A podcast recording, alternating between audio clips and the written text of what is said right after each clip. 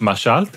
אני לא מספיק אה, מפורסמת או לא, לא מספיק חשובה בשביל שמישהו ישמע. מי ירצה לשמוע מה שאנחנו נדבר איתך? האורחת שלנו הפעם, הבמאית לינה צ'פלין, היא לא פחות מתופעת טבע. אני החלטתי ברגע מסוים ש...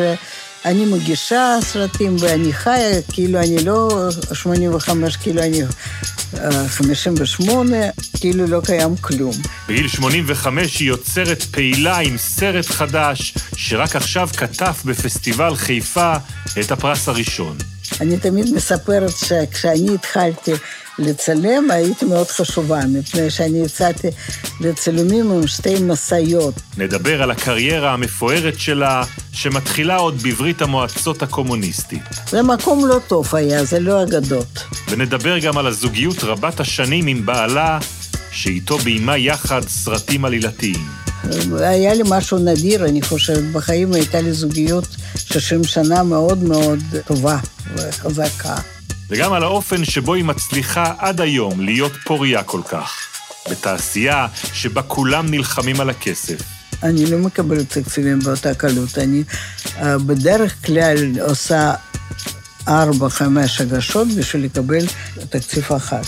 לינה צ'פלין כבר לא עושה חשבון לאף אחד, אבל עושה איתנו בגלוי את החשבון של עלויות ההפקה של הסרטים שלה, וגם של אמצעי המחיה שלה. אין לי פנסיה, אבל יש לי ביטוח לאומי. הצטרפו אלינו לשעה יוצאת דופן עם אישה נדירה, שיש לה עצות טובות לחבריה בתעשייה, אבל שום יומרה לתרום לדיון הפוליטי. בכלל, אני לא יודעת איך צריך לסדר את העולם. לא יודעת. אני בן שני, ואתם מאזינים לחומרי גלם, הפודקאסט של טלי, חברת התמלוגים של יוצרי הקולנוע והטלוויזיה בישראל. זהו, אפשר להתחיל. חומרי גלם, הפודקאסט של טלי. את מרגישה שאת לא מספיק מוכרת? אנשים לא יודעים מי עושה סרטים, אפילו אם זה פיצ'רים גדולים ופופולריים. אני לא אומרת את זה בשביל להראות כמה שאני צנועה, אני כאילו מספרת עובדה. איפה האגו משחק אצלך תפקיד? אומרים שלא מספיק, אבל אני חושבת שמספיק. אומרים שלא מספיק, שאני, איך אומרים, כמו שלמדתי דווקא מילה חדשה בעברית, שאני לא יודעת למנף נכון אמרת? למנף, כן. למנף את, ה, נגיד, הצלחה או משהו שיצא, שאני לא יודעת. אני חושבת שאני יודעת, אבל לא יודעת. הנה, אנחנו הזמנו אותך כדי למנף הצלחה. מצוין. יש פרס ראשון בפסטיבל חיפה. נכון. הייתה הקרנת בכורה נפלאה בתל אביב, שני אולמות uh, מפוצצים. נכון. בסינמטק. נכון, דווקא זה הפתיע אותי. הפתיע אותך. מאוד הפתיע. כל הסיפור עם הסרט הזה, הפתיע אותי מאוד. בואי, אני אציג את הסרט עבור uh, מי שמאזין לנו עכשיו ועוד לא הספיק לראות אותו. הוא משודר בהוט. שירוץ לראות. ירוץ לראות בערוץ 8, נכון. של הוט או ב-VOD, כן? הסרט נקרא אנדרגראונד בלט, והוא מספר את הסיפור של מקום קסום, שנמצא בלוקיישן אולי הכי, אה, איך נגדיר אותו? סוריאליסטי שאפשר לחשוב עליו. בלתי צפוי, כן. בלתי צפוי.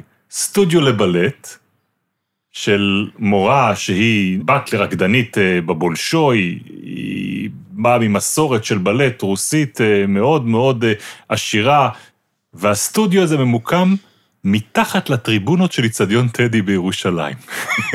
מתחת ללה פמיליה, כן? ולכל הצעקות ששם. אתה יכול לחשוב על החיים ש... שלמטה והחיים שלמעלה, מתחת לטריבונה ומעל הטריבונה, ואת עוקבת במשך תקופה ארוכה אחרי החיים בסטודיו הזה, שהוא בעצם עולם בפני עצמו, ששם נדיה... טימופייבה. טימופייבה. קשה להגיד. שמה של המנהלת המקצועית ושל בעלת הסטודיו, יחד עם בת הזוג שלה, שהיא אחראית על, ה, על התלבושות ועל התפאורה, מנהלות uh, את, ה, את המקום הזה, את החיים של רקדנים, צעירים ירושלמים, שמגיעים לשם חלקם עם סיפור חיים לא פשוט בכלל, והם מתוך המקום הזה, שהגדרנו אותו כסוריאליסטי, מייצרות קסם של, של הופעות בלט, שאת עוקבת אחריהם, ומדי פעם חוזרת אל העולם שמעל הטריבונה וחותכת בין הכדורגל ובין הריקוד, ומוצאת שם הרבה נקודות להשוואה בין שני העולמות האלה. תיארתי נכון את הסרט? מאוד נכון, רק שבתוכניות שלי רציתי לצלם כדורגל יותר, אבל בית"ר לא נותן להיכנס ולצלם שום דבר. מה זאת אומרת? זאת אומרת שאתה יכול, שאתה יכול לקבל אישורים מהתאחדות הכדורגל, מעירייה, מהכל, אבל מי שבאמת שולט שם זה בית"ר, והם לא מוכנים לתת לצלם כמה שמסבירים להם שלא לא מתכוונים לפגוע בהם. היה איזה סרט לפני זה, סרט... כן, טהורה לעד, כן, על האוהדים של... ואומרים שמאוד טוב, ו... אבל הם לא אהבו את זה. ואחרי הסרט הזה הם לא נותנים, לא נתנו לי לצלם אפילו כדורגל של ילדים, של בית"ר, כלום. כי מה הם לא רוצים? הם פוחדים שיגידו שהם גזענים, שכנראה נכון, אבל שלא יגידו. תשמעי, את היית פעם בלי מצלמה בטריבונה בטדי? אני הייתי בטריבונה בזמן שאני צילמתי, אנחנו צילמנו מסביב, והייתי, סתם מסקרנות, הייתי במשחק. זה לא בשבילי, אבל אני מתארת לעצמי שזה בשביל אנשים. אבל הקהל של בית"ר ירושלים זה קהל שאנחנו מכירים את הקריאות הגזעניות שיש בו. שאנחנו מכירים את האלימות ש, שנקשרה בו, את העובדה שלא מוכנים ששחקן מוסלמי ישחק אה, בקבוצה. כן. אה, כל האווירה מסביב. גם לא אוהבים תקשורת, תקשורת ולא... מזדיינת ואני לא יודעת מה. אחר כך ערוץ שמונה ביקש קצת לרכך את זה, אז הקריאות הכי כאלה גסות, אני אה, הוצאתי, חשבתי. אה, הוצאת החוצה. הוצאתי החוצה מפני שמישהו אמר לי, ככה זה נראה שאת מתנשא. ברור. אה, גם כן. סצנת הפתיחה של הסרט נורא יפה, שרואים את ה... את אחת הרקדניות, כן. מפלסת את דרכה בין הגדודים של האוהדים נכון. האלה, ומנסה להיכנס ככה, להשתחל בתוכם, ובסוף נכנסת לתוך השקט, לא, לא, לאולם המחול שבו, שבו היא רוקדת. הכל ברור ב establishing הזה של, נכון. של הסרט.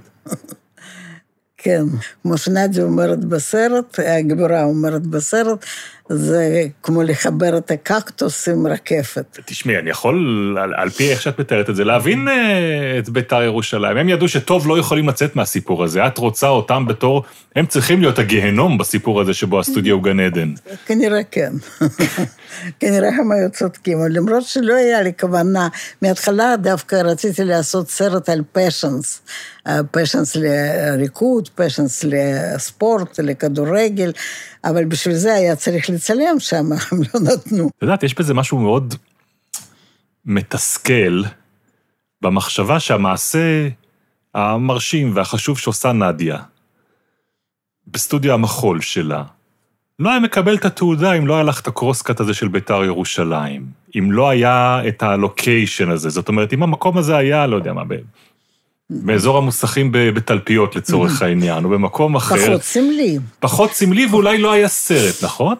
אני לא יודעת, אני, כשכבר התחלתי לעשות סרט, אז החלטתי שאני לא רוצה לעזוב את המתקן. מסביב, נגיד, על נדי אפשר היה לעשות סרט הרבה יותר עשיר ממה שיצא.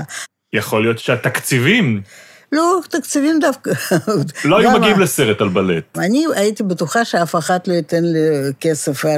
אני מאוד אוהבת בלט, ואני יכולה להסביר למה אני אוהבת בלט, ואני צילמתי הרבה ברוסיה בלט. ואחר כך כל הזמן רציתי, והייתי בטוחה שאף אחת לא ייתן לי את הכסף לזה. ואני באמת אה, מודה מאוד לערוץ 8, לרינת קליין, אה, שהם נתנו לי תקציב.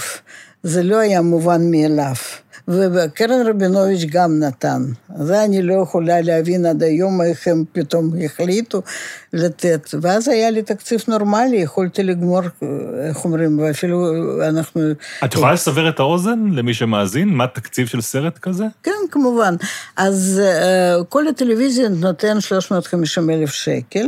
בסרט, זה המחיר שהם מקבלים? זה מקבלים. 350 ו... אתה מקבל מהערוץ שאליו מכרת את הסרט. נכון, וקודם זה היה מספיק בשביל לעשות סרט צנוע. אז זה היה לי תמיד מספיק, אבל זמן עבר, הכל הפך להיות יותר יקר, ו-350 זה קדוש. אז זה מה שנותנים, וזה עכשיו לא מספיק. אז צריך לצרף את עוד אה, קרן. הקרן נותנת כמה? אה, קרן רבינוביץ' נתן לי 200 אלף. זאת אומרת, התקציב הכללי של הסרט הוא 550 אלף שקלים. כן, זה דווקא נחמד, זה אפילו אני הרווחתי. בדרך כלל, אם לא נותנים, אז אה, לא אני, לא דניאלה לא מרוויחות. דניאלה אבל- היא השותפה שלך בהפקה. כן, היא מפיקה. היא מפיקה של הסרטים. מפיקה את הסרט, כן. דניאלה, דניאלה רייס זון. דניאלה רייס רזון, מפיקה של הסרט, ואפילו כשיש 500 אלף שקל, אפילו אנחנו הרווחנו משהו. מה הסעיף הכי יקר, אם נכנסנו לכספים, מה הסעיף הכי יקר בעשייה של סרט דוקומנטרי? עריכה, אני עריכה. חושבת. אני לא מצלמת הרבה ימים. אז אה, בגלל זה זה... הזמן שנמצאים בחדר העריכה והתשלום לעורך זה הדבר היקר ביותר. הכל, אה, גם נגיד, אני מצלמת בדרך כלל עשרה ימים לסרט. יום צילום זה דבר יקר. במיוחד שאני עובדת old fashioned, אז אני רוצה צלם ואני רוצה עוזר צלם, אז... אה, את לא מסתובבת עם המצלמה שלך לא, ומצלמת. כמו שעכשיו צעירים מצלמים, שהם שניים יוצאים לצילומים או אחת, אז אני כבר לא למדתי את זה, ואני מתארת לעצמי איך אפשר, אבל... ואם כבר צלם, אז את לוקחת את הטובים ביותר, איציק פורטל מצלם עבורך את הסרטים. אני מאוד אוהבת לעבוד עם יצחק פורטל, הוא גם תלמיד שלי, היה פעם, לפני המון שנים, הוא גם צילם פיצ'ר ראשון שאני ובעלי צילמנו, חצרה בוואדי. חצוצרה בוואדי שזכה בפרס אה, אופיר. נכון, וגם זכה, זכה בפרס בחיפה. בחיפה אני קיבלתי שלוש פעמים פרסים, וחצרה בוואדי היה ראשונה, ואיציק צילם. אוהבים אותך בחיפה. כנראה. אז נגענו קצת אה, בתקציבים, אבל אני רוצה שנחזור לאנדרגראונד בלט. ועוד דבר אוקיי. שאנחנו עושים פה ב, אה, בפודקאסט הזה שלנו, שהתחלנו לדבר עליו אה, בתחילת השיחה שלנו, אנחנו מבקשים מאנשים שמכירים אותך, שעבדו איתך בממשקים כאלה ואחרים, אוקיי. לשאול אותך שאלות. אנחנו ביקשנו מהם שאלות, והם שלחו לנו את השאלות מוקלטות. מה, מצוין, מעניין. נכון? השואלת הראשונה קשורה בסרט. אוקיי. דיברנו עליה קצת. זאת נדיה. אוי. כן. מעניין. בוא נשמע מה נדיה שואלת אותך. לינочка יקרה, בטח שלפני שאת התחלת לצלם אותנו, את היית מדמיינת איך, אתה, איך יהיה הסרט, נראה לי. ברגע שאני עושה יצירה, אני גם מדמיינת איזשהו מה זה יהיה. אבל לפעמים היצירה לוקחת אותי למקום לגמרי אחר, שאפילו אני לא מחכה. האם הסרט יצא איך שאת דמיינת אותו? או גם היה לך איזושהי חוויה איתנו והתוצאות הן שונות? איזה שאלה יפה, אה? רק מישהי שהיא באמת אה, יוצרת נכון. ו... ורגישה יכולה לחשוב על הכיוון הזה. אני מאוד נהניתי לצלם את, ה- אתכם, את נדיה, את- את הסרט. בכלל, מפני שהאווירה בסטודיה ש- שלך מאוד מאוד טובה, חופשית, לא לחוצה, הרבה צחוקים, למרות שהחיים די קשים שם. זה לא מה שתחשוב על מקום של בלט קלאסי, עם משמעת, איזו. דיבה שעומדת בראשו וזה... כן, אבל אה, זה דבר אחד. דבר שני, הבנתי שהרקדני בלט כל הזמן חיים מול המראות, ואז, אה, איך אומרים, הם רגילים כאילו להיות חשופים, לא מרגישים מצלמה ומתנהגים מאוד אה, טבעי, וזה היה תענוג. חוץ משאני אהבתי אתכם, אז אני בכלל לא יכולה לצלם אנשים שאני לא אוהבת. אבל אה, אה, אם תוצאה אה, שונה, היא קצת שונה, לא כל כך. אני צריכה להודות שאני בן אדם מאוד רציונלי באופן עקרוני, לא רגשי, לא כלום. ואז... לא רגשי? לא. אז איך אומרים, ואז פחות או יותר, אם יש לי קונספט מסוים לסרט, אז הוא יוצא פחות או יותר דומה למה שאני חשבתי, אבל בטח שהמציאות לקחת אותי אה, לפעמים לכיוונים אחרים. כמה רציונלי, כמה מתוכננת את כשאת באה לצלם סרט? אני מאוד מתוכננת. יש תסריט? לא, שום...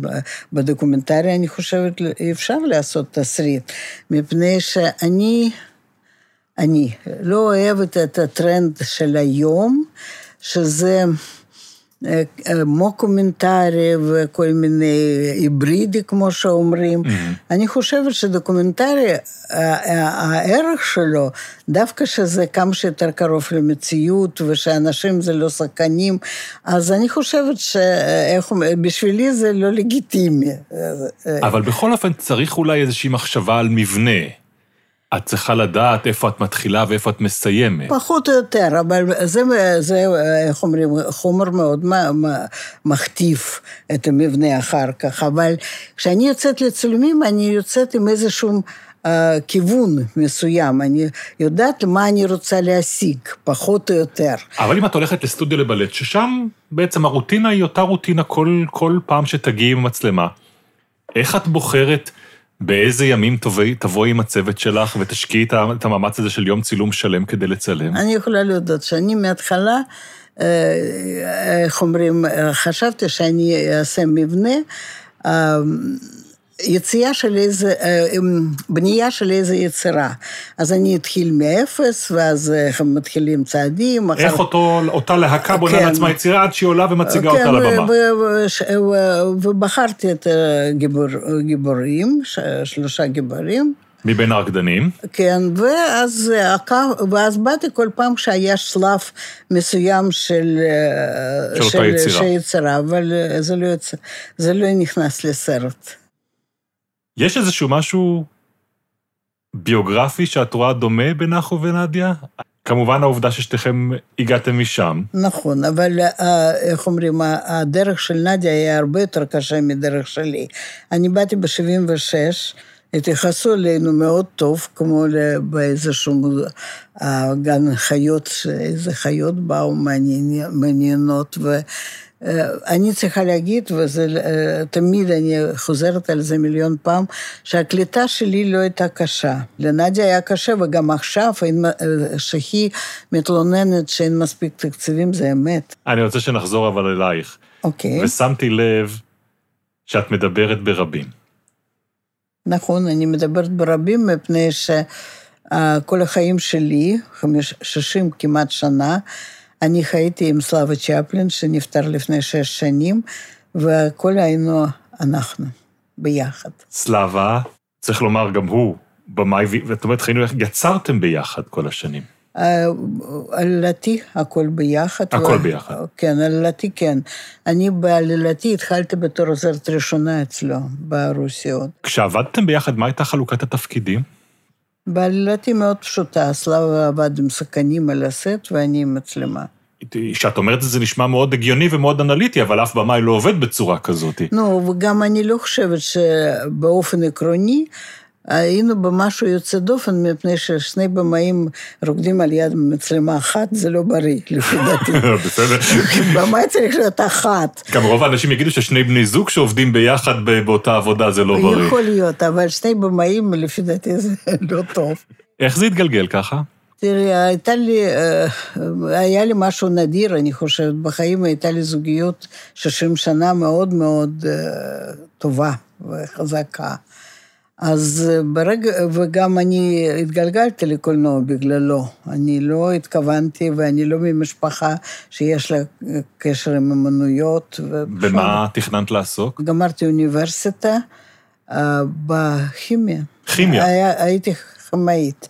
לפני, לפני 50 שנה, 40 שנה, לא יודעת. מה, איזושהי נטייה אומנותית, איזשהו דחף לא, לעשות אין, שום אין, דבר? לא היה ולא, ואין שום נטייה אומנותית. אז מה חיבר את הכימאית לקולנוע? אני רק יכול לחשוב על מעבדת פילים באותה תקופה שצריך כימאים. מה... איך, אף פעם דווקא לא הצטערתי. לעשות סרטים זה מרתק. וזה יותר קל. את לא צריכה לשכנע אותנו. נכון. אני שואל איך עשית את המהלך. נכון, נכון. כן. אז איך אומרים, כשהכרתי את סלאבה והתאהבתי בו, אז מאוד רציתי להתקרב. ואז הלכתי ללמוד קולנוע. קינאתי שהוא בעולם כזה עם זוהר, ואני הולכת כל יום לעבודה אפורה, ואז שיניתי. מה את יכולה להגיד על הלימודים שם? בשונה מהלימודים כאן אצלנו שמקובלים ללימודי הקולנוע? קודם כל יש שם הפרדה, שם לא לומדים אה, קולנוע, כמו שאנחנו פה לומדים, אה, מלמדים ולומדים. שם הצלמים נפרד, אה, תסריטאים נפרד, ובמאים, לא רק נפרד, אבל במאים דוקומנטריים, במאים טלוויזיה, במאים של סרט עלילתי, אז איך אומרים, זה הבדל. ובאיזה מגמה את למדת? דוקומנטרי. זה היה דוק... מגמה דוקומנטרי, והיה לנו עוד שלא קיים פה, מדע פופולרית. את אומרת מדע פופולרי כי לימודי הקולנוע שם מראש יועדו לאיזושהי מטרה של נכון, סרטים שיש בהם נכון, תכלית, שהם יותר מדעיים, נכון, סרטים נכון. טכניים? לא רק טכניים, אבל... תעשייתיים. פירוש היה מאוד רחב. אבל דוקומנטרי במשטר טוטליטרי יש לו גוון מסוים, כמובן. רוב הסרטים מגויסים היו. אני תמיד מספרת שכשאני התחלתי לצלם, הייתי מאוד חשובה, מפני שאני יצאתי לצילומים עם שתי משאיות. תאורה הייתה מאוד כבדה. הסאונד וגן היה נפרד, והכל, צילמנו רק ב-35. נשמע גן עדן. לא, זה לא, לא היה גן עדן, וזה, היה, וזה רק מראה כמה אני זקנה כבר, עברו מיליון שנה. אבל כשאת מתארת את זה, זה אומר שהיו לך שם אמצעים לעשות סרטים. אם אתה היה אידיאולוגית, בסדר, אז התנאים היו טובים אולי. אבל כל הבמאים היו כמו פקידים, מפני שבכלל לא היה קיים פרילנס ב... ברוסיה. זה כולם נכנסו לאולפנים, לסטודיו, קיבלו משכורת, והיינו פקידים. סלאבה עשה רק עלילתי. סלאבה, לפי אופי שלו, היה הרבה יותר קשה להתאים את עצמו לדרישות של שלטונות, אני לא יודעת. זה, זה מקום לא טוב היה, זה לא אגדות.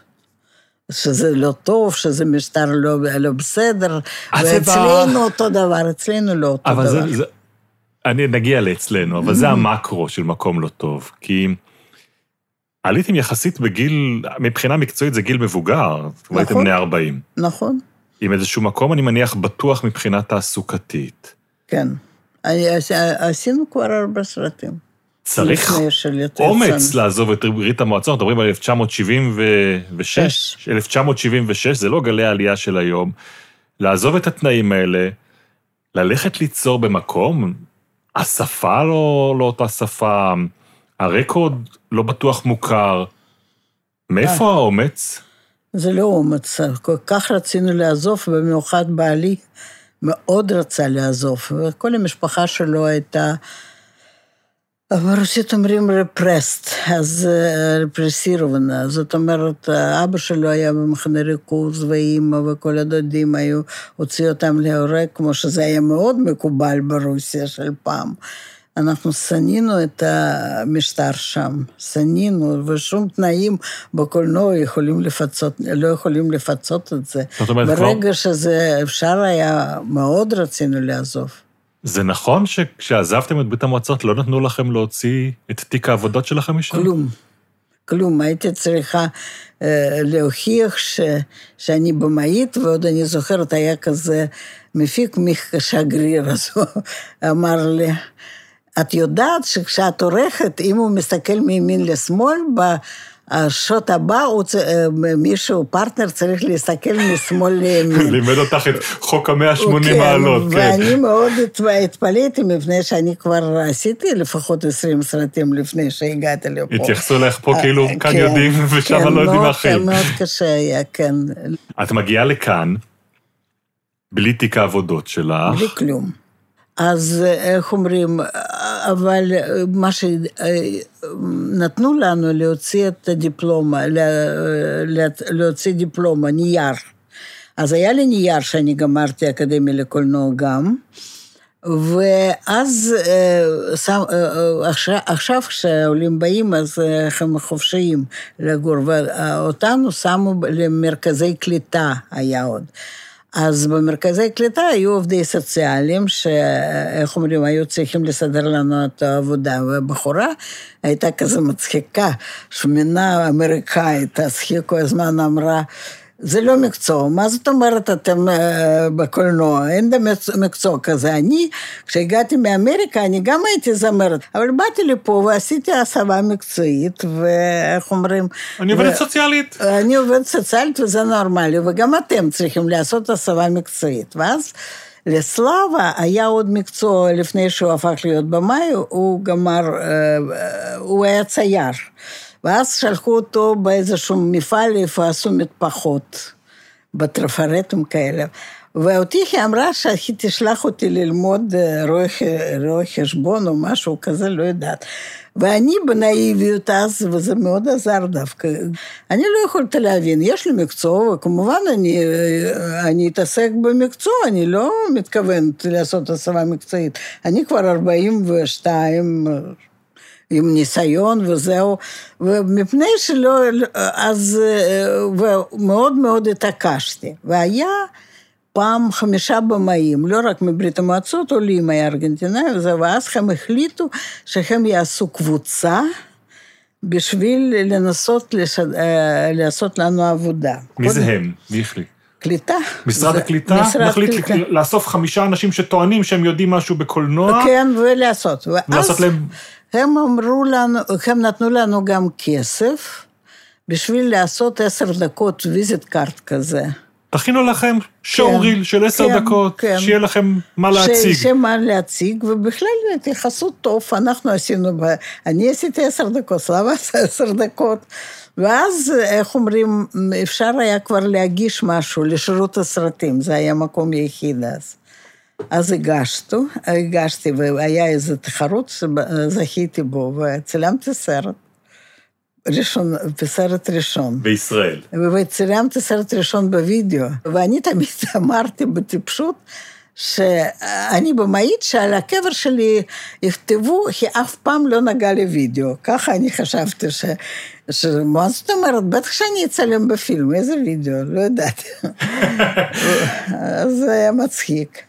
ואז, איך אומרים, ואז הם נתנו משכורת ממשרד קליטה, שאפשר היה לעבוד בטלוויזיה, במשכורת של משרד קליטה. וזה סלאבה עבד, ואני לא מפני שאיזה חוק יש, אני לא יודעת. שבני זוג לא יכולים לעבוד לא באותו מקום. אז אני, זה אני זוכרת. את זוכרת את יום העבודה הראשון שלך על סט בישראל? כן, לא סט. אני זוכרת שאני יצאתי לצלם איזושהי כתבה. עבור הטלוויזיה, הערוץ הראשון. כן, אני זוכרת רק דבר אחד, שאני באתי לתיאטרון אה, בחיפה, לא זוכרת על מה היה האייטם, אבל אני זוכרת שאני אה, מראיינת את עומרי ניצן. ואני התכוננתי, עברית היה לי אה, אפס, ואז אני שואלת אותו, מה המצב בתיאטרון? אז הוא אמר, תיאטרון במצב של תהייה. ואני אה, לא יודעת מה זה תהייה.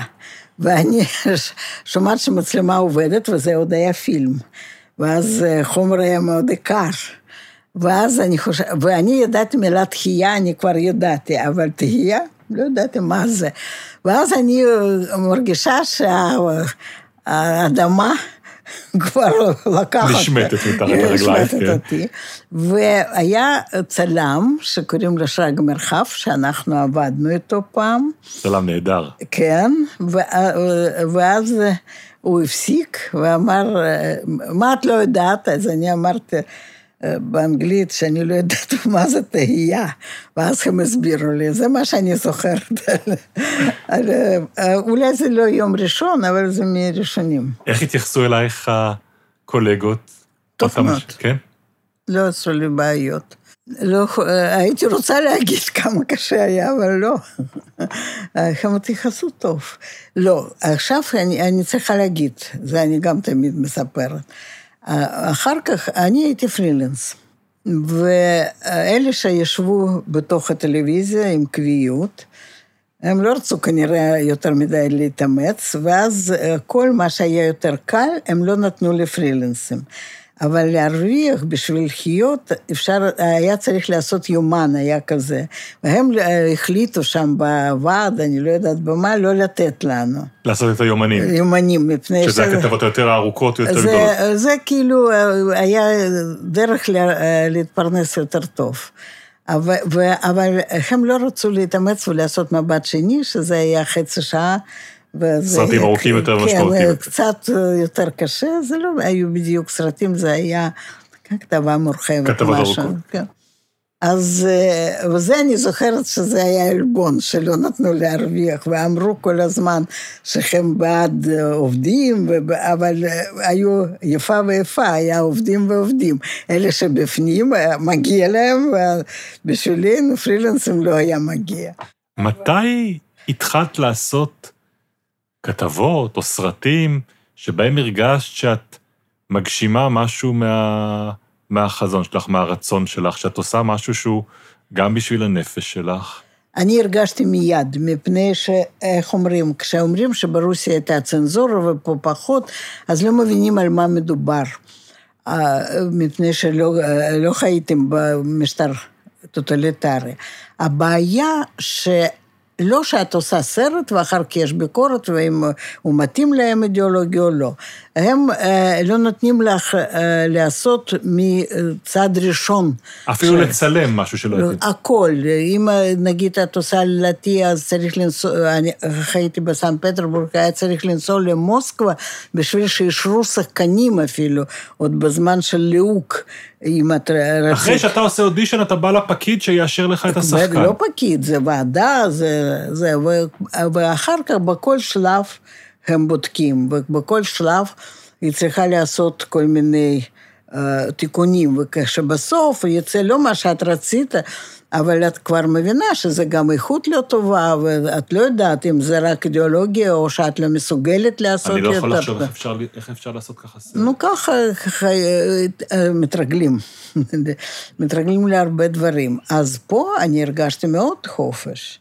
עכשיו אני כבר יודעת שיש כל מיני אה, כיוונים ולחצים. שפוליטיקה יש גם כאן. כן, בטח יש, אבל לא, לא כמו שהיה בברית המועצות, זה לא, אין מה להשוות. והרגשתם אז את אומרים, זה את אנחנו וס- הולכים לכיוון, עכשיו, זה אוהבים. אולי כן, אבל עוד רק הולכים לכיוון, עוד לא הגיעו. זאת אומרת, אנחנו לא, עוד ממש לא שם.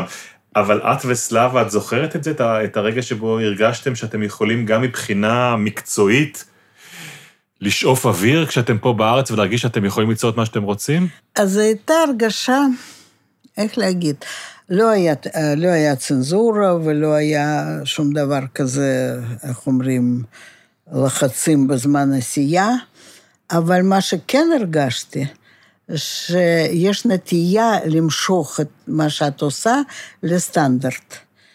לסטנדרט אומרים בעברית? כן. זאת אומרת, מה, להוריד את זה כן, ברמה? לא, לא להוריד, אבל לכיוון מסוים. כשעשינו תקומה, נגיד, כן. אז אה, איך אומרים, אני עשיתי על מזרחים, אז... אה, את עשית את הפרק על המזרחים כן. בתקומה. סיפרתי לדפנה שזה יצא במקרה, אבל... דפנה היא העורכת של הפודקאסט שלנו, דפנה יודוביץ', כן. כן, אז איך אומרים, אבל... אה, ועשיתי סרט כמו שחשבתי שאני... אה, ש... למה אה, ליהקו דווקא אותך לעשות את הסרט על המזרחים לא, אני? הייתי צריכה לעשות סרט על דתיים, שהיה לי מעניין מאוד, דת בכלל הייתה לי מעניינת, מפני שלא הייתי מכירה, ורבנים לא רצו לדבר איתי מפני שאני אישה, ואז אה, פגשתי בפרוזדור את לוי זיני, שאמור היה לעשות מזרחים, והוא אמר לה, מרוקאים שלי לא big deal, אולי נת- נתחלף. אני אמרתי, אבל בדתיים שלי בכלל לא big deal, הם לא רוצים לדבר איתי. ואז אנחנו הלכנו לעורכים ואישרו לנו החלפה. ואז אחר כך, כשקשת מזרחי היה כועס שאשכנזייה עושה סרט על מזרחים, אז איך אומרים, לא, לא, לא הצלחתי להסביר להם שזה יצא מקרי, שלא שאני רציתי משהו. אז זה היה מקרי. אבל כשעשיתי, אז אה, היה גדעון דרורי. היה עורך של תקומה. כן. הוא ואסתר, סטרדר? אסתרדר. ואסתרדר הם היו אה, אנשים מאוד דווקא אינטליגנטים ומעניינים, אבל הם רצו מה שהם ידעו. שמה צריך להגיד על מזרחים, ולא משהו אחר. זה אני זוכרת, היה לי מאוד קשה. לא הייתי מסכימה, לא רציתי לספר מה שכולם כבר יודעים. וכמו כל הזמן אומרים שדווקא אותם ככה או ככה, לא רציתי. אז, אה, אבל הם אה, התעקשו, ובסופו של דבר עשו מה שהם רצו. אז את אומרת, יש איזשהו נרטיב שכולם באיזשהו כן, מקום מתכווננים אליו. הם מתכווננים, ויש אה, תבניות מסוימות לנושאים מסוימים, שאת לא יכולה לקפוץ הצידה. אבל אני שואל אם גם היום, כשאת כבר יוצרת עצמאית, את מרגישה שאת כבולה לתבניות כלשהן. לא, אני מנסה לשבור. אני מנסה, אני לא יודעת כמה שאני מצליחה. אני מנסה שזה לא יהיה תבנית. אבל אני יודעת ש... אה, אה, אז יש הבדל. כשאני מגישה, אני כותבת לפי תבנית, אני רוצה לקבל תקציב. כשאני עושה, אני שוכחת על מה שאני כתבתי. אז... כבר לא חייבת שום דבר. לא חייבת. התקציב כבר אצלך. שאני תמיד אומרת ככה. נגיד אני עשיתי סרט, אם הוא טוב, אז אף אחד לא זוכר מה אני כתבתי. אם הוא לא טוב, אז הם אומרים, אמרנו לך, את כתבת לא ככה, אז אני אומרת, אם סרט כבר לא טוב, מה יכול להיות יותר גרוע? הזכרנו פה את השם של ברכה זיסמן, אמרת ש-30 שנים את עורכת. נכון. עם אותה עורכת, עובדת איתה. איזה זכות יש לך שאת יכולה לעבוד עם אדם 30 שנים? זה... אני אוהבת לעבוד עם אותם אנשים. אני מאוד מאוד אה, מנסה לא לשנות את האנשים, במיוחד אם הם קרבים אליי, והשקפת עולם אה, אותה, כמו שעם ברכה, אנחנו כאילו... אני מתאר לעצמי שיש בזה יתרון מאוד מאוד גדול מאוד בלעבוד עם אותו. אדם. אני חושבת שמאוד גדול, אנחנו מבינות אחת את השנייה, אחת, ו, וברכה היא מאוד יצירתית, ו... את גם, מאוד- אם זאת זוגיות, אז את גם כועסת עליה? יש דברים שבהם את... אה, תראי, אני לא בן אדם, אה, אה, איך קוראים, כעסני. כעסני אומרים? כן, אמרת שאת- שרגשות זה כבר, זה לא הצד החזק לא, שלך. האימא שלי תמיד אמרה שאני בולץ, אז בולעץ, כן. עכשיו אני קצת השתניתי, עם זקנה אני הפכתי להיות יותר כזה. התרככת. התרככתי, כן, אבל איך אומרים, אני לא בן אדם עם קונפליקט, זה באמת ככה. ואנחנו כל כך הרבה סרטים עשינו ביחד. גם עם דניאלה אני כבר עובדת 20 שנה. כן. גם לפני זה אני עבדתי עם אה, צלם, שזה היה, אמ, שזה היה דני בר- ברנע המון בטח. שנים. נלי ברנע, ז- צלם נפלא שצילם מאוד לרשות השידור. הרבה שנים. אז הרבה שנים, עד שהוא הפסיק לצלם, אה, והוא עכשיו מצלם רק סטילס, ואז אני עובדת עם איציק. בסדר. לא אוהבת לשנות את ה... לא צריך לשנות. כשמשהו טוב, צריך להשאיר לא, אותו. וגם, אה, איך אומרים, אני לא עומדת טוב בלחצים, בזה, אז יותר טוב שאני יודעת עם מי יש לי עסק, ושאני אוהבת את האנשים האלה שאני עובדת איתם. אז אנחנו ביקשנו מברכה לשאול אותך גם שאלה. וואו, נו. ברכה כמו עורכת, הייתה מאוד תכליתית וקצרה, היא הביאה sound bite. אוקיי. לינה, את זוכרת את הסרט הראשון שערכנו ביחד? שעברת מפילם לוידאו, וכל כך פחדת מהמעבר הזה? כן, אני מאוד זוכרת את הסרט הזה.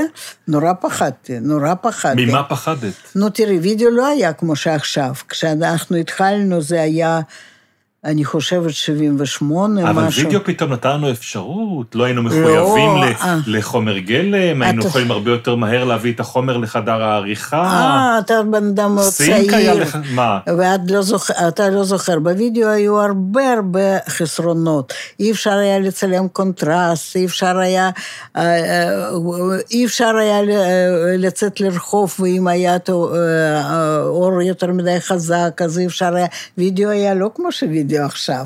וגם תוצאות היו, לא יודע מה, וגם הייתי מאוד מנוסה בפילם, והרגשתי שאני יכולה ויודעת, ופה אני לא יודעת כלום. אבל בעיניי המעבר העיקרי בין וידאו לפילים היה התחושה שיש לך פתאום יותר חומר גלם, שבדוקומנטרי אתה יכול לצלם הרבה יותר, אתה לא צריך להיות כל נכון. כך מחושב ומדוד. נכון, אבל אני כנראה הייתי מספיק זקנה כבר, אז אני עד היום לא מצלמת כמו שצעירים עכשיו מצלמים המון. אני לא מצלמת הרבה, יחסית. וגם... מה האורך של רעיון סטנדרטי שאת עושה עם... עם נדיה כזאת כמו בסרט? אני לא עושה רעיונות, אה, כמו שאהבו לה- להגיד בטל- בטלוויזיה, אה, רעיון מסודר. אני כמעט שלא עושה, רק אם אני יודעת שאני אצטרך voice over, אז אני עושה. אני מנסה לעשות רעיון שהבן אדם שאני מראיינת אותו, לא יודע שעכשיו יהיה רעיון. וגם אני אומרת לצלם שהוא תמיד יהיה מוכן. אני לא מושיבה את הבן אדם, לא מעירה אותו. אז הוא עושה משהו, ואז אני באה ו- אה, מאחורה ו- ושואלת, נו תגיד לי, הבלט זה כל החיים שלך? אני לא יודעת שטויות. כדי שלא תהיה מתוכננת. שלא שה- יהיה שהסיטואציה מתכננת, תהיה כן. אגבית, ואז היא תהיה הכי אמיתית בתשובה כן. שלה. אני לא מביימת, כמו שאומרים, בסרט דוקומנטרי. אם אני רוצה לביים, אז אני הייתי מעדיפה לעשות עלילתי. אבל- ואני מנסה רק להפעיל את הסט ככה שאנשים מתנהגים טבעי. זה הכי חשוב לי בדוקומנטרי, מפני שסרט עלילתי הרבה יותר עשיר, את יכולה לחיות כמו שידעו בכל המקום בעולם, בכל הזמנים, וטה-טה-טה-טה. אבל סרט דוקומנטרי, בכל זאת יש לו איזשהו יתרון, שזה בן אדם חי וטבעי, ואז אני צריכה לביים אותו, לא. זה גם היתרון שאתה עובד באמת עם אותו צלם. אני זוכר את, ה- את הרגעים שאתה עובד עם הצלם שלך, והוא יודע כבר שאתה מראיין עכשיו. המרואיין לא יודע שהוא בתוך ראיון, אבל הצלם מבין שהוא בתוך ראיון, כן. הוא לא חותך, וכשלפעמים יוצא מצב שאתה עובד עם צלם שאתה לא מורגל בעבודה איתו, הוא יכול לא, לא, ברגע קשה הכי לי. דרמטי הזה פתאום לעצור, כדי קשה רגע, אנחנו. לא מסודרים עם השוט. כשאיציק, אה, נגיד, לא יכול, או שהוא מצלם סדרה או משהו, ואני מצלמת עם צלמים מצוינים, הכי טובים בעולם, אבל אה, לא רגילים, לא רגילים זה- לטנגו הזה זה ביחד. מההתחלה קשה לי. למרות שנגיד אה, עכשיו, כשאני מצלמת עכשיו סרט, אז איציק היה עסוק ואני צלמתי עם טולי גלאון, והיא מצוינת, של מצוינת, אבל אני רגילה עם צלם אה, קבוע. את יודעת, לפני הקרנת הבכורה של הסרט שלך פה בתל אביב, ראיתי רבים מהחברים שלה, חלק מהם את מזכירה פה עכשיו, שברחבת הסינמטק ככה מגיעים לבכורה. רובם צעירים ממך, נכון. אבל לדעתי כמעט כולם כבר בפנסיה. את לא מקנאה בהם?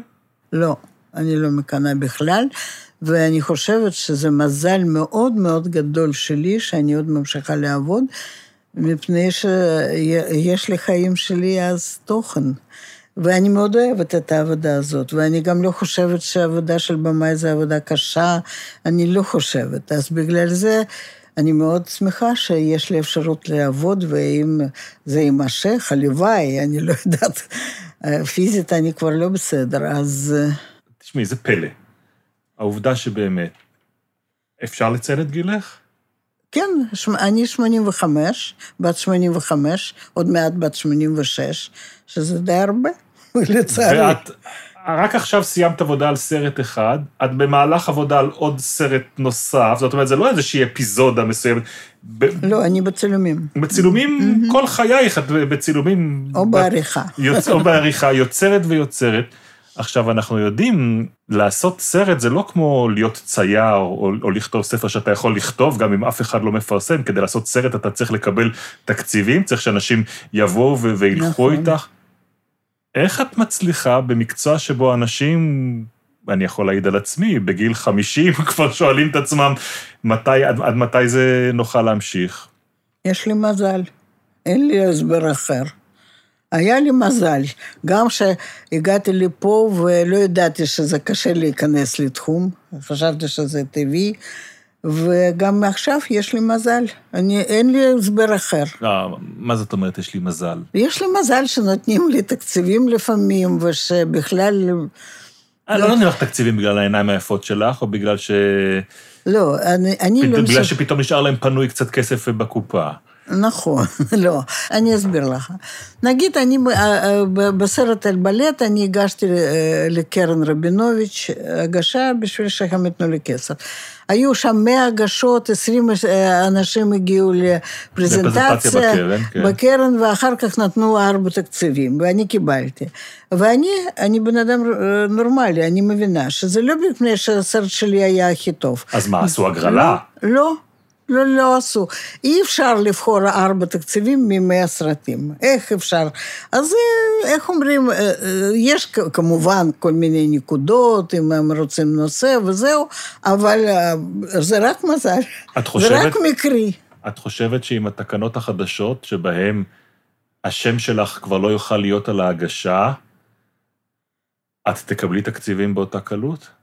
אני לא מקבלת תקציבים באותה קלות. אני אה, בדרך כלל עושה ארבע, חמש הגשות בשביל לקבל אה, אחת, תקציב אחת. אולי זאת תהיה התשובה. יכול להיות. אולי כשבמאי בא ואומר, אני לא הגשות." מצליח לקבל, אתה צריך להסתכל על העובדה שהוא, שהוא מנסה רק ניסיון אחד על סרט אני אחד. בטוחה שזה ככה. זאת אומרת, ש- את אומרת, את צריכה לנסות חמישה סרטים כדי לקבל... לא חמישה, ארבעה, אני חושבת. ארבעה סרטים? ארבעה, ארבעה סרטים להגיש בשביל לקבל אה, תקציב אחת. זה פחות או יותר. אה, אה, ואני למדתי את זה נורא מהר, מפני שהייתי צריכה לחיות. הייתי צריכה לקבל כסף בשביל... זאת אה, השאלה הבאה שלי, את מצליחה לחיות מזה? כן. לא, אני לא, אה, לא עשירה, אבל אני מצליחה. יש לי דירה בדמי מפתח טובה מאוד, ויש, היה לי אוטו, אז מכרתי עכשיו, אבל... ואני יכולה, איך אומרים, לאכול ולעזור למי שאני צריכה לעזור, למשפחה ויש לכם. אה, פנסיה מרשות השידור? או שעוד לא, אין זכ-. לא זכיתם? לא. כפרילנסרים אין לפנסיה? לי פנסיה, יש לי פנסיה קטנה, אה, אמ, 1,900 שקל, שאני מקבלת, אה, אה, איך אומרים, אה, שאני לימדתי בספיר. כן. 25 שנה, אבל זה לא היה מסודר בשביל פרילנסים. חוץ מזה אין לי פנסיה. אבל יש לי... לא מרשות השידור כל לא, השנים? מ- לא מכלום. אבל מכלום. יש לי ביטוח לאומי, שלי ושל חלקית של סלאבה, וחלק מפנסיה של סלאבה. אז אני מגיעה בחודש עכשיו, בלי שאני עובדת, ל-8,000 שקל. וזה, אני חושבת, סביר. נדיה, שעובדת כל כך קשה, אותה גיבורה של הסרט שלך, של אנדרגראונד בלט, כן, המורה לבלט. אז היא לא מגיעה ל-8,000 שקל בחודש. ועובדת מתשע עד תשע, והעבודה לא כמו שהעבודה של במאי. עבודה של במאי, קשה, יש אגו, יש עצבים, אז העבודה בעצמה לא קשה. נו מה? את יודעת, אני חושב על זה, שאני יושב, אני מנהל כבר הרבה שיחות עם אנשי אה, טלוויזיה ואנשי כן. תקשורת. אף אחד מהם לא מדבר בכזאת חופשיות על הכסף שהוא מרוויח, על הכסף שנכנס אצלו למה? לסרטים. זה לא דבר חשוב בשבילם? מאוד חשוב, אבל לא חושפים. לא מדברים על הסכומים בו שאת באה ואת נותנת אותם כאן בחופשיות. אבל אני, אין לי מה להתבייש. אני מחזיקה את עצמי, יש לי חסכונות. אני לא הולך למות. אה, ברוסית אומרים עלי- מתחת לגדר. אני מתארת לעצמי שלא. אז... אה, אנשים בתחום שלנו נוהגים את הנושא הזה של הכספים לשמור קרוב, לא, לא לשתף אותו, ולא בטח לא לעשות את המאזן החודשי של ממה הם חיים, מה המשכורת, זה מה יש, אם זה מספיק לי, כולם לא- אומרים שלא מספיק להם, כן. נו, תמיד לא מספיק, גם לי לא מספיק, אולי יהיה לי יותר, אני לא יודעת מה הייתי עושה. לא, ב- במקצוע של במאי, נגיד דוקומנטרי וקצת עלילתיים, אפשר לחיות סביר, לא לחיות עשיר, אבל אני חושבת שאפשר. את לא מתלוננת. לא, אני לא מתלוננת. אני מתלוננת, אני מתלוננת רק על סלאבה, לא על עצמי, מפני ש...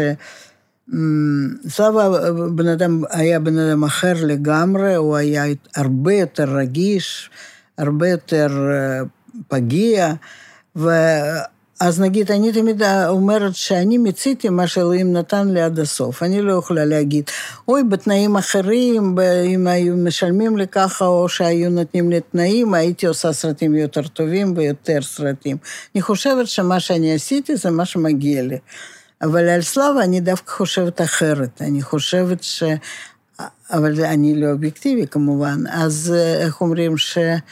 אה, הכישרון שהיה לו היה הרבה יותר גדול ממה שהוא הצליח לממש, למצות. כן.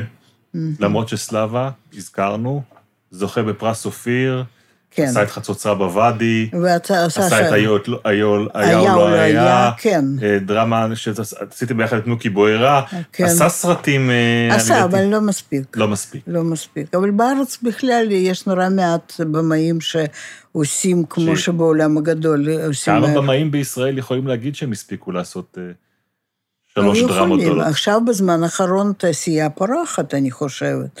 עושים הרבה סרטים. לא לכל יחסית. הבמאים, אבל יש... אה, אני הגעתי ב-76, עשו שני סרטים בשנה, עכשיו עושים ס- 35. את יודעת הבדל. להסביר למה אצל סלאבה הכישרון לא מוצק, כמו שאת אומרת? קודם כל, האופי שלו היה, איך אומרים, לא מספיק בשביל מאבק בזירה. נגיד, אני אגיד ככה, נגיד משהו, אני נוסעת לצילומים, איך קוראים את ה...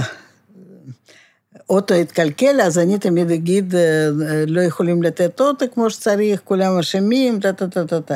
בסלאבה תמיד אשם, הוא אומר, אוי, איך אני אה, נוסעת ואוטו זה, ואני אה, מסדר את האנשים וזהו, אז זה לא אופי שצריך להיות אצל הוא במאי. לקח את האחריות על עצמו, על. עצמו. לא האשים את האחרים. כן, אז קודם כל זה לא נכון בתחום. יותר בריא, את אומרת, להאשים את הסביבה, נכון, ולא אבל- לקחת על עצמך. כן. נכון, ואז יש לך יותר, איך קוראים לזה, גם לסלאבה היה נטייה הרבה יותר אמנותית ממני, והוא לא היה במאי דוקומנטרי, ולהשיג אה, עבודה דוקומנטרית יותר קל, מפני שזה תקציבים פחות גדולים, ו...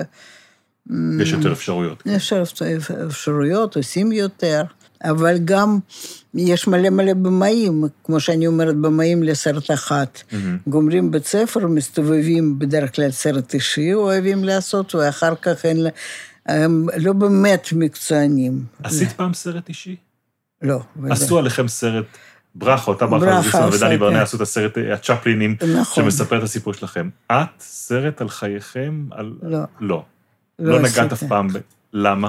לא, אפשר להגיד באופן עקיפין שסר, שמוקי בוירה זה סרט אלינו. למרות שזה מקום אחר, זמן אחר, אנשים אחרים, אבל הסיטואציה והאמירות זה סרט עלינו, הכי קרוב אלינו. מוקי בוערה, בוערה זה מתוך המונח העיירה הבוערה, נכון? משהו, עוסק מ- ב... יש אה, היה, כן, אה, שריפה, שיר שריפה, ב- כן, זה... ביידיש, כן, ותסריט שכתב משה זונדר, נכון. סיפור על אה, אה, דור שני לשואה, נכון. יחסים מורכבים בין, בין בין- אימא בין- שהיא דור שני לבין, אה, בין- לבין הבן שלה. משה זונדר גם שלח לנו שאלה אלייך. וואו, כן. מעניין. את מזכירה את הוא הסרט הזה? באמריקה, מה? הוא עכשיו באמריקה. הנה, אפשר לשלוח שאלות גם לא, זה מאמריקה. נכון. לינה, היי, זה משה זונדר, מה שלומך? את יודעת שמוקי בוערה זה התסריט הכי אישי ואינטימי שכתבתי בחיים, וסלאבה זיכרונו לברכה ואת התחברתם אליו אה, כל כך חזק, ואת ואני עבדנו המון על התסריט, ואני שאלתי את עצמי תמיד איך את, אה, שגדלת בברית המועצות, הצלחת להתחבר כל כך חזק. למציאות של הילדות והנעורים שלי בחולון באמצע שנות ה-70.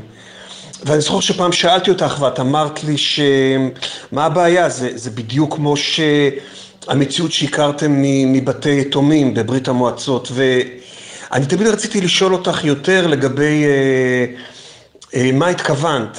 אז הנה, אני, אני מנצל את ההזדמנות ושואל עכשיו.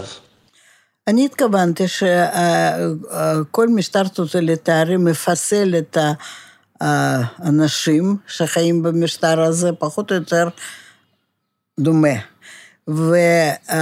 ואיך אומרים, אה, מה שקורה עם אנשים שעברו שואה ומה שקורה עם אנשים שעברו אה, מחנות של אה, סטלין, אז אני חושבת שזה תהליכים דומים. נגיד, אם יש איזה משקל, על, אה, על, על בן אדם, ואז, אה, ואחר כך מורידים את המשקל, ואז זה צומח כל מיני צורות. לא כולם מי שעבר שואה או עבר מחנה ריכוז, הם מלאכים ונחמדים, ואיך אומרים... אה, נשמות ו- טובות, כן. שווים, שווים את הסליח- הסליחה של האנושות, ו...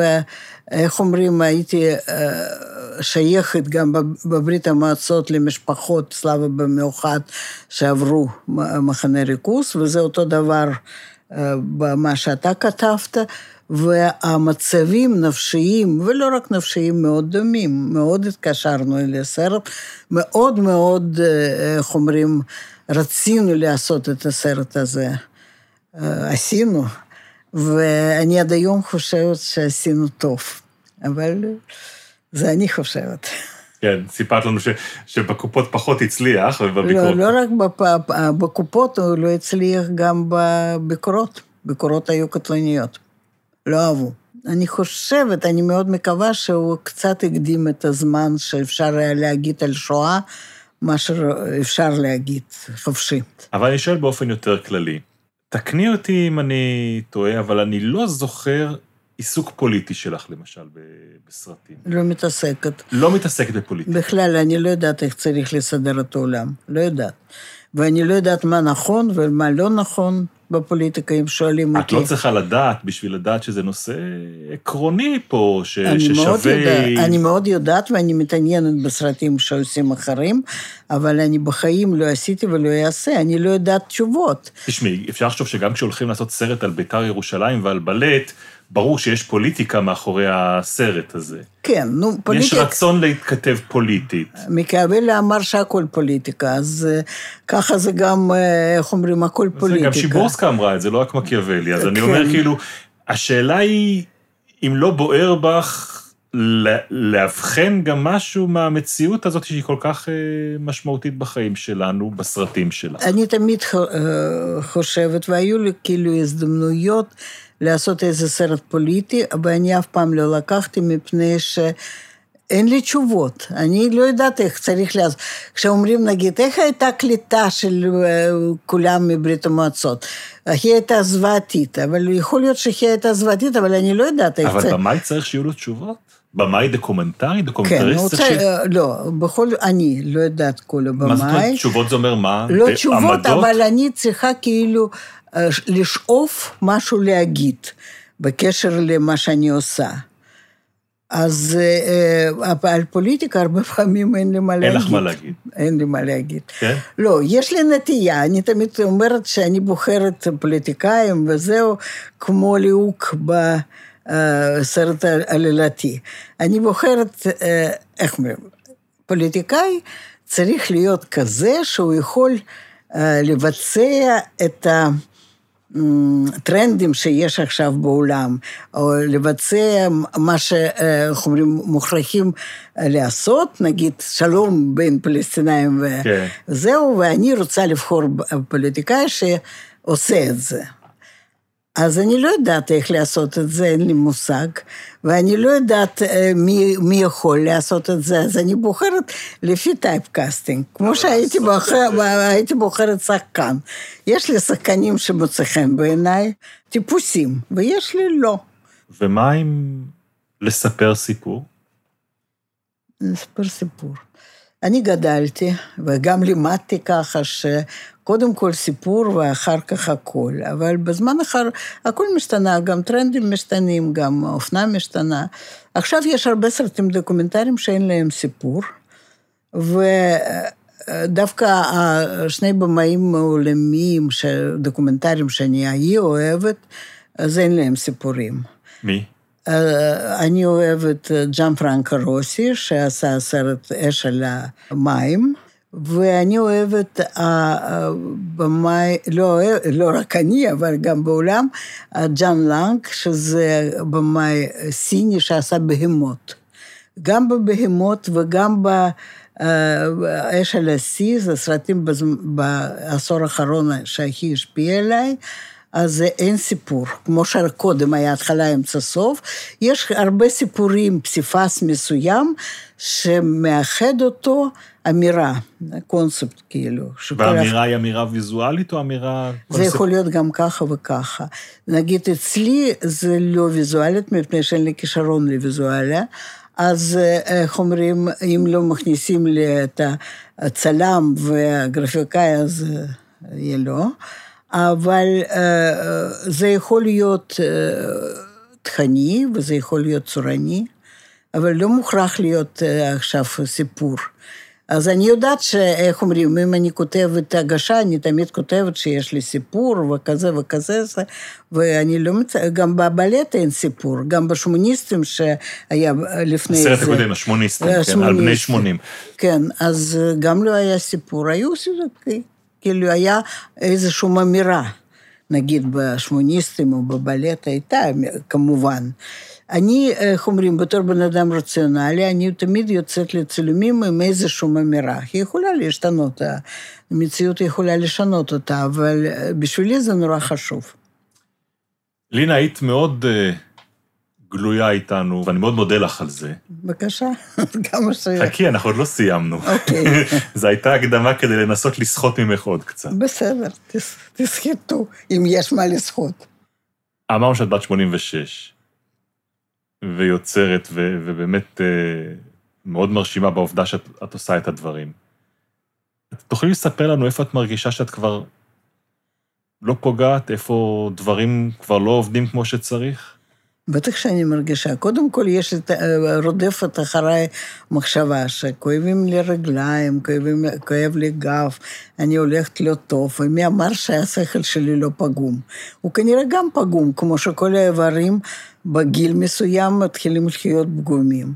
ואז אני מאוד פוחדת, שזה, והמחשבה הזאת אה, מפריעה לי. זה דבר אחד, אבל, וגם מפריע לי פיזיות, אני לא יכול להיות תזזית, אני, קשה, קשה לי מאוד לזוז ב... על לפעמים קשה לך לצאת ליום צילומים? כן, כמובן. אני צריכה לקחת הרבה כדורים בשביל אה, להחזיק מעמד. יש דברים שאת כבר לא תעשי ביום צילום? בטח. אני אה, אה, נזכרת, נגיד, שצילמנו סרט עם ברנר, על מה זה היה סרט? על מוחמד בכרי היה סרט. ואז היה, היו, הייתה לוויה של, של דרוויש או מישהו, ואז אנחנו בנצרת, ויש שם הר, ובהר יש כנסייה, ושם ארון. ואז ברנאו רץ, והוא כל הזמן מסובב ואומר, את איתי, את איתי, ואני גם רצה, וקשה לי, אבל אני רצה, כל ה... זה נראה לי כמו אגדה. עכשיו אני בקושי יכולה ללכת 100 מטרים, אז זה מאוד מפריע. אני גם, כשחושבת על נושאים שאני רוצה, אני החלטתי ברגע מסוים שאני מגישה סרטים ואני חיה, כאילו אני לא 85, כאילו אני... 58, אז אם אני לא אספיק, אמות בדרך, אז אני אמות, אבל אני כאילו מגישה ועובדת כאילו לא קיים כלום. אבל אני בכל זאת בוחרת דברים שאני יכולה לעשות פיזית. קודם כל, מפריע לי מאוד מאוד פיזי. יש כבר דברים שאיבדת בהם עניין? אני חושבת שכן. יש דברים. כמה שזה לא נשמע מחמאה גדולה בשבילי, אבל פחות מעניינים אותי דברים ציבוריים. פחות. קודם זה היה לי... השאלות הגדולות שמתעסקים בהן, לא, לא. וזה אולי מחזיר אותנו לעניין הזה של הפוליטיקה. שפה... פוליטיקה וגם פנסיה גדולה לזקנים, פחות גדולה, אני לא מתעניינת בזה, מפני שגם אני לא יודעת איך משפיעים על זה, ואני לא יודעת. שאלתי אתמול, אני חושבת, את ברכה, אם תמיד אני עושה סרטים קטנים. אז היא אמרה שלצערה, כן. תמיד את עושה סרטים קטנים. קטנים, כן. את עוד רוצה, חולמת שתעשי עוד פעם איזשהו סרט גדול כזה? סרט עלילתי, הקולנוע, כמו שגדלתם לעשות? לא, לא גדול, אבל אני מאוד אה, הייתי רוצה לעשות משהו משוחק עכשיו, אני מתגעגעת. אבל מפני שאני, אה, איך אומרים, אני אוהבת לראות סרט דוקומנטרי יותר משוחק, אבל לעשות אוהבת יותר עלילתי, זה יותר משעשעת. אבל, אה, ואני יודעת שלא ייתנו לי בשום פנים ואופן, וגם אני כנראה כבר לא מסוגלת.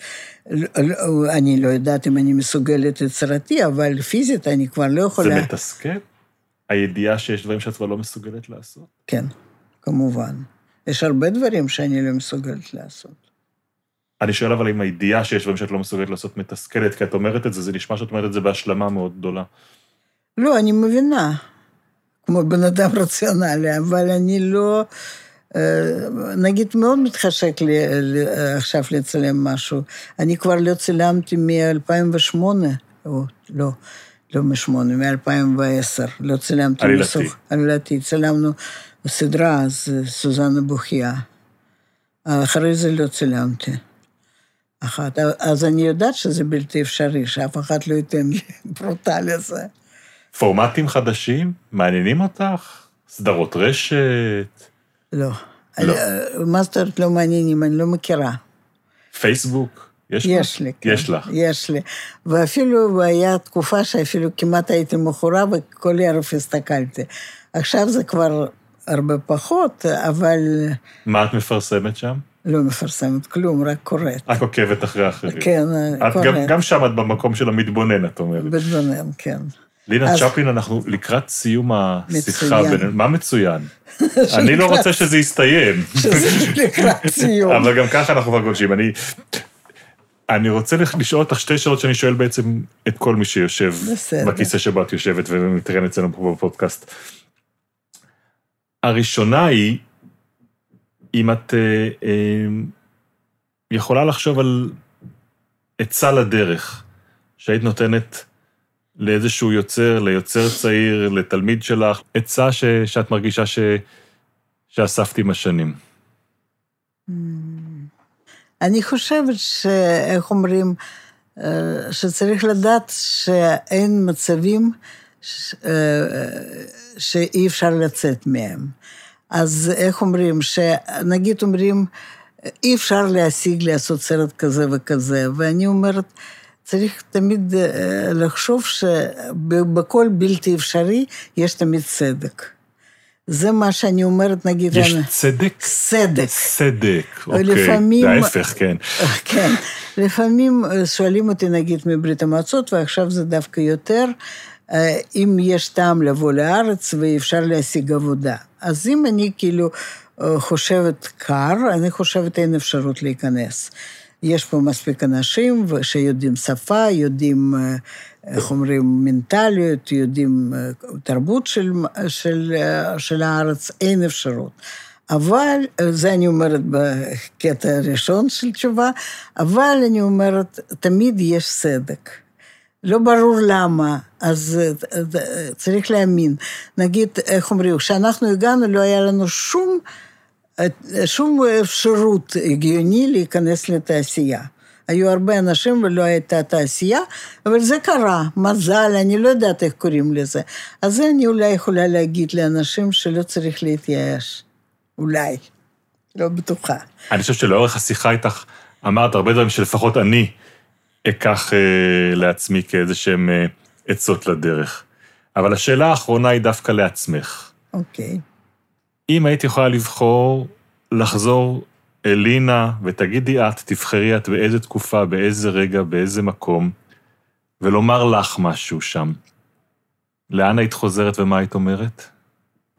זה אה, זמן כשאני פגשתי את סלאבה, התאהבתי, וההרגשה לחיות מאוהבת, ותקופה לחיות מאוהבת, זו תקופה הכי הכי שהייתי רוצה לחזור לפ- לפה, והייתי עושה אותו דרך. והיית אומרת משהו שם ללינה? מהמבט שלכם? אה, כ- כמו שאני אמרתי קודם, אל תתייאשי. אל תתייאשי. מפני שלא הוא חזר אחריי, אני חזרתי אחריו. את חיזרת אחריו. זה יפה שאנחנו התקופה. מזכירים גם את סלאבה לקראת סיום, כי באמת לעשות רעיון איתך, זה חייב נכון, להיות רעיון משותף. זה נכון, אני מאוד עצובה עכשיו, נגיד, שאני חושבת כבר סלאבה נפטר לפני שש שנים, ואני עשיתי לא הרבה, אבל שלושה, שלושה סרטים עשיתי, והוא לא יודע. מאז. אין אותו באף מקום, ואז אני לא יכולה לספר לו על סרטים שעשיתי. וזה חשוב לי, מפני ש... אה, טוב. אבל ככה מסודרים את החיים, אין מה לעשות. ואני חושב על זה שאת הולכת לעשות עוד, ושאת עושה עוד, ושנזכה לראות עוד סרטים שלך, וזה בכלל אני אה, גם כיף. מקווה כמה שנשאר לי אז. אחד אני כנראה אספיק לגמור, מה שעכשיו אני עושה. הרבה יותר אנחנו רוצים. טוב, תודה. לינה צ'פלין, תודה רבה רבה לך. בבקשה. כמה שיכולתי, אני אמרתי. זהו זה כל הגלם שלנו להיום. הבמאית לינה צ'פלין הייתה האורחת שלנו, עורך הסאונד הוא שלומי אטיאס מאולפני אורקה. דפנה יודוביץ' היא העורכת של חומרי גלם, הפודקאסט של טלי. טלי היא חברת התמלוגים של יוצרי הקולנוע והטלוויזיה בישראל. השיחה הקודמת שלנו עם חגי לוי, יוצר הנערים, וכל השיחות הקודמות של חומרי גלם, זמינות ב SoundCloud וב iTunes. נשמח גם מאוד אם תפיצו את הפודקאסטים האלה לחבריכם. בקרוב נשוב עם פרק חדש, ועד אז, אני בן שני, מודה לכם על ההאזנה.